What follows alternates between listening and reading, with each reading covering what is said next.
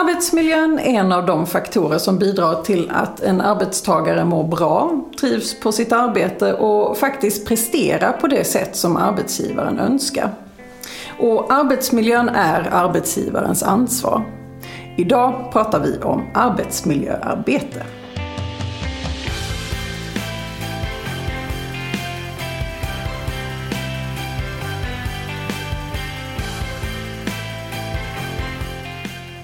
Hej och välkommen till Arbetsrättspodden. Podden för dig som verkar inom HR eller hanterar personalfrågor i din vardag.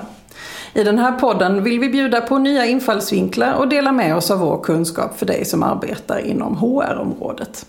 Jag heter Emelie Svensäter Jerntorp och arbetar som advokat inom arbetsrätt här på Vinge. Och med mig idag har jag min kollega Åsa Gotthardsson som är delägare och specialist inom arbetsrätt på vårt Stockholmskontor. Hej Åsa! Hej! Ja, idag ska vi prata om arbetsmiljö. Och det är ju ett av många upplevt väldigt krångligt område där arbetsgivarens ansvar är omfattande. Och brister i eller helt frånvaro av ett arbetsmiljöarbete kan bli kostsamt i form av skadestånd och sanktionsavgifter. Men framförallt så får det ju en stor påverkan på de flesta företags allra viktigaste resurs, nämligen medarbetarna. Många upplever dock att det är svårt att få en överblick och bli riktigt konkret i sitt arbetsmiljöarbete.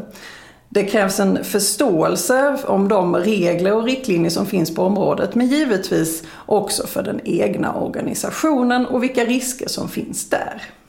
Och lagstiftaren har ju lagt ett stort ansvar på arbetsgivaren. Och Åsa, om, om vi börjar med regelverket, var hittar vi reglerna om det här någonstans? Ja, grunden i arbetsmiljöarbetet är ju arbetsmiljölagen. Och eh, Arbetsmiljöverket som är den myndighet som ansvarar för arbetsmiljöfrågor.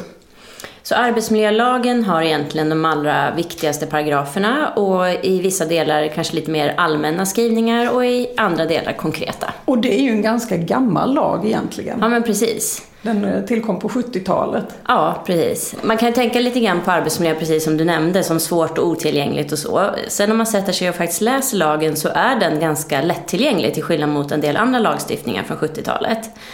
Ehm, man kan nästan uppleva den som mer modern skulle jag vilja påstå. Men, och, eh, och jag tyckte särskilt mycket om det du sa i början där, att där man är trygg presterar man. Och det skulle ju nästan kunna vara någonting som också stod i arbetsmiljölagen. Där är det formulerat som att man ska eh, förebygga ohälsa och olycksfall i arbetet och i övrigt uppnå en god arbetsmiljö. Men Tittar man mer på en modern arbetsmiljö med psykiska problem i samhället och sjukskrivningar och så, så handlar det väl väldigt mycket just om att skapa en arbetsmiljö där man känner sig trygg och sedd och eh, får tid till återhämtning, tänker jag. För det är just på det här, just att det kommer från 70-talet, då tittade man ju framförallt på den fysiska arbetsmiljön och förhindra Eh, riktiga olyckor egentligen ja, på arbetsplatsen. Mm. Men hur har man, hur har man eh, burit sig åt för att anpassa den här lagstiftningen då, eller riktlinjerna, mm. eh, till det moderna samhället? Ja, arbetsmiljöarbetet eller regelverket är ju mycket uppbyggt kring föreskrifter. Och det är ju Arbetsmiljöverket som eh, ger ut föreskrifter eller beslutar om föreskrifter. Och i stort sett kan man säga att det finns en föreskrift om, om vad som helst i, i arbetslivet. Så, ja, det är en lång lista. Ja, I industrin finns det ju ner på vissa detaljarbeten som görs inom industrin. Um, och olika typer av industrier finns det ju om man jobbar med sprängämnen eller om man jobbar med kemiska produkter eller ämnen. Uh, och sen finns det ju mer generella föreskrifter. Och om vi då tittar på till exempel den, den mer organisatoriska miljön, alltså det som vi pratar om ofta med mm. arbetsmiljö nu med stress och så. Var, var hittar vi de reglerna? Ja, men de hittar vi i en relativt ny föreskrift från 2015 eh, som heter, eller som, ja, den heter Organisatorisk och social arbetsmiljö. Den, eh, egentligen är innehållet i de reglerna inte nya, men man kan säga att man formulerade om sig och gjorde en mer modern föreskrift.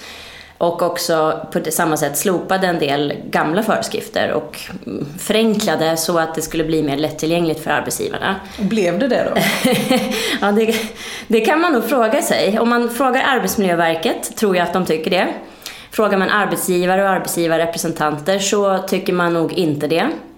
Och eh, frågar man fackliga representanter så är jag inte säker på att de tycker det heller. Men hur bär man sig då åt för att göra det tillgängligt och eh, anpassat för den faktiska arbetsplatsen? Det tycker jag egentligen att du också nämnde i din inledning, att man utgår från den egna arbetsplatsen och organisationen. Jag tror det är där kanske många tänker fel eller utgår från fel som utgångspunkt när man, när man ska starta eller när man får arbetsmiljöarbetet i knät eh, i sin roll. Eh, att man tänker att man måste börja titta på regelverket. Det kanske hade varit bättre att titta på arbetsplatsen och utgå från den. Och så dubbelkolla med regelverket om man då har täckt in allting. Mm. Och att denne man som du mm. nämner här egentligen inte är en person utan verkligen representanter från de delar av verksamheten mm. som vet vad man gör för någonting. Ja, och sen är ju en stor del av arbetsmiljöarbetet ska ju också eh, alla egentligen bidrar med. Så att man, egentligen är ju arbetsmiljön olika i olika grupper, olika avdelningar och det är viktigt att medarbetarna får vara med. Samverka kallar man det ju inom arbetsmiljöregelverket. Så att man tar in alla synpunkter och på det sättet liksom hitta de här fyra, fyra nycklarna eller fyra stegen i det systematiska arbetsmiljöarbetet som är så viktigt med att undersöka, riskbedöma, åtgärda problem och eh, följa upp. Och vill du utveckla lite med det här med det systematiska arbetsmiljöarbetet? För just det är ju otroligt viktigt för att få detta att fungera. Mm. Och det kommer ju då eh, från en föreskrift från 2001 där som egentligen sätter grunden för det dagliga arbetsmiljöarbetet, eller det här som vi pratar om egentligen, det arbetsmiljöarbetet som utgår från organisationen. Eh, det ska vara systematiskt så menar man just det, att det ska ta sikte på den dagliga arbetsmiljön, den vi upplever här och nu och inte vara liksom för övergripande och så, utan ner på detaljnivå och titta på hur är den dagliga arbetsmiljön och hur kan vi förbättra den och förebygga olyckor. Och i olika situationer då, inom olika områden av ja. verksamheten. Mm. Ehm, och arbetsgivarens ansvar i detta då? Som ja, vi tjatar om. Precis. Ja, arbetsgivaren är ju den som är ansvarig för att man bedriver det här aktiva dagliga arbetet eller liksom att man har ett tänk kring det dagliga arbetsmiljö. Um, och att man har de här processerna för att, att göra de här fyra eh, stegen som jag nämnde. Självklart är man ju också ansvarig ifall det skulle hända någonting på arbetsplatsen då. Och det finns ju andra delar i det här som, gör, som också mm, landar tillbaka i arbetsmiljöansvaret. Till exempel att fördela arbetsmiljöuppgifter, det vill man slarvigt kalla för delegera. Ehm, också en viktig del av, av arbetsmiljön och inte bara inom industrin ska tilläggas. Utan liksom i alla verksamheter behöver man fördela arbetsmiljöuppgifter. Kan du ge något exempel då som inte är inom industrin utan eh, kanske i eh, ett vanligt kontors Ja, vi kan ta ett konsultjobb som vi känner till väl. Eh, och där är det viktigt till exempel att man i vissa dagliga eh, situationer, eller i, när man tittar på vilka, vilken del av arbetsmiljön ska en chef för en grupp vara ansvarig för. Till exempel fånga upp signaler om någon behöver tid för extra återhämtning, har jobbat för mycket under en period, eh, verkar må dåligt. Den här mer organisatoriska och sociala arbetsmiljön skulle jag säga är väldigt viktig att till vissa delar i alla fall delegera eller fördela till eh, chefer. Ifall man då upplever att detta är svårt att börja med, då brukar det vara lätt att försöka strukturera upp det och göra någon liten checklista över vad man behöver göra för någonting. Så man börjar med egentligen helst att titta på den egna verksamheten, sa vi tidigare. Eh, och när man har gjort den typen av inventering och tagit in information, vad tycker du att nästa steg är? Egentligen skulle jag vilja hoppa tillbaka till det första steget och faktiskt tycker jag tycker att det är eh, nyckeln. Ehm, och här kanske man kan ha olika synpunkter men jag menar att man nästan inte kan borra för mycket i den första delen. Ehm, för ju, om man verkligen sätter sig ner och funderar på vad har vi för risker eller kanske framförallt vad har vi för eh, hur, hur, ser vårt arbetssätt ut? Vad har vi för arbetsuppgifter? Vilka har vi på arbetet och så? Och verkligen titta på i vilka situationer kan det skapas ohälsa eller var, hur, när vi har haft personer som mår dåligt, vad har det varit orsaken till eller vad har hänt och så. Så brukar man kunna hitta väldigt mycket olika delar. Sen betyder det att man måste jobba med alla men för typiskt sett är det ju kanske vissa nycklar man behöver jobba med och gör man det så skapar man direkt en bättre arbetsmiljö. Men att man inte går för snabbt vidare till att hitta eh, åtgärder utan att man verkligen tittar ordentligt på de olika riskerna om man nu ska sammanfatta det som det. Så nu har vi borrat och borrat och borrat. och nu, nu, nu går vi till steg två. Ja men precis, och steg två, ja men det är undersöka och riskbedöma, det kanske är som steg ett och två. Jag vet inte vilket, om det är riskbedömningen eller åtgärden du är ute efter. Men, men just när man har hittat då de här identifierat att om man har ett projekt som pågår väldigt lång tid och det är tidspressat så blir det då väldigt eh, kanske intensivt under en period. Vad är då viktigt? Återhämtning. Hur skapar vi? Och nu är vi på åtgärderna då. Hur skapar vi då en möjlighet för en person som har jobbat länge, mycket under en lång period, hur skapar vi tid för återhämtning och hur löser vi det i vår verksamhet till exempel. Och sen uppföljning där. Och sen måste man ju se till den här åtgärden, det här sättet för återhämtning, lyckades det? Fick personen verkligen tid? Eller var det mejlande och telefonsamtal och, under den perioden? Så att vi måste hitta ett annat sätt eh, en annan gång. Och nu hoppar ju du som sagt mellan de här olika stegen men det är väl ganska typiskt för den här typen av arbete att man, mm. man är inte så att man har nu är jag färdig med detta, nu kan jag lägga det i skrivbordslådan och gå Nej, vidare. Precis. Utan det är mer en cirkulär process och ja. ibland är det lite hopp fram och tillbaka också. Ja men precis, och Arbetsmiljöverket har ett väldigt användbart hjul kan man säga på sin hemsida. Och, eh, som man gärna med fördel kan använda sig av och då är tanken med det precis som du säger, det är bara att snurra vidare liksom. Så hela tiden förbättra och, och se över arbetsmiljön och det är ju så.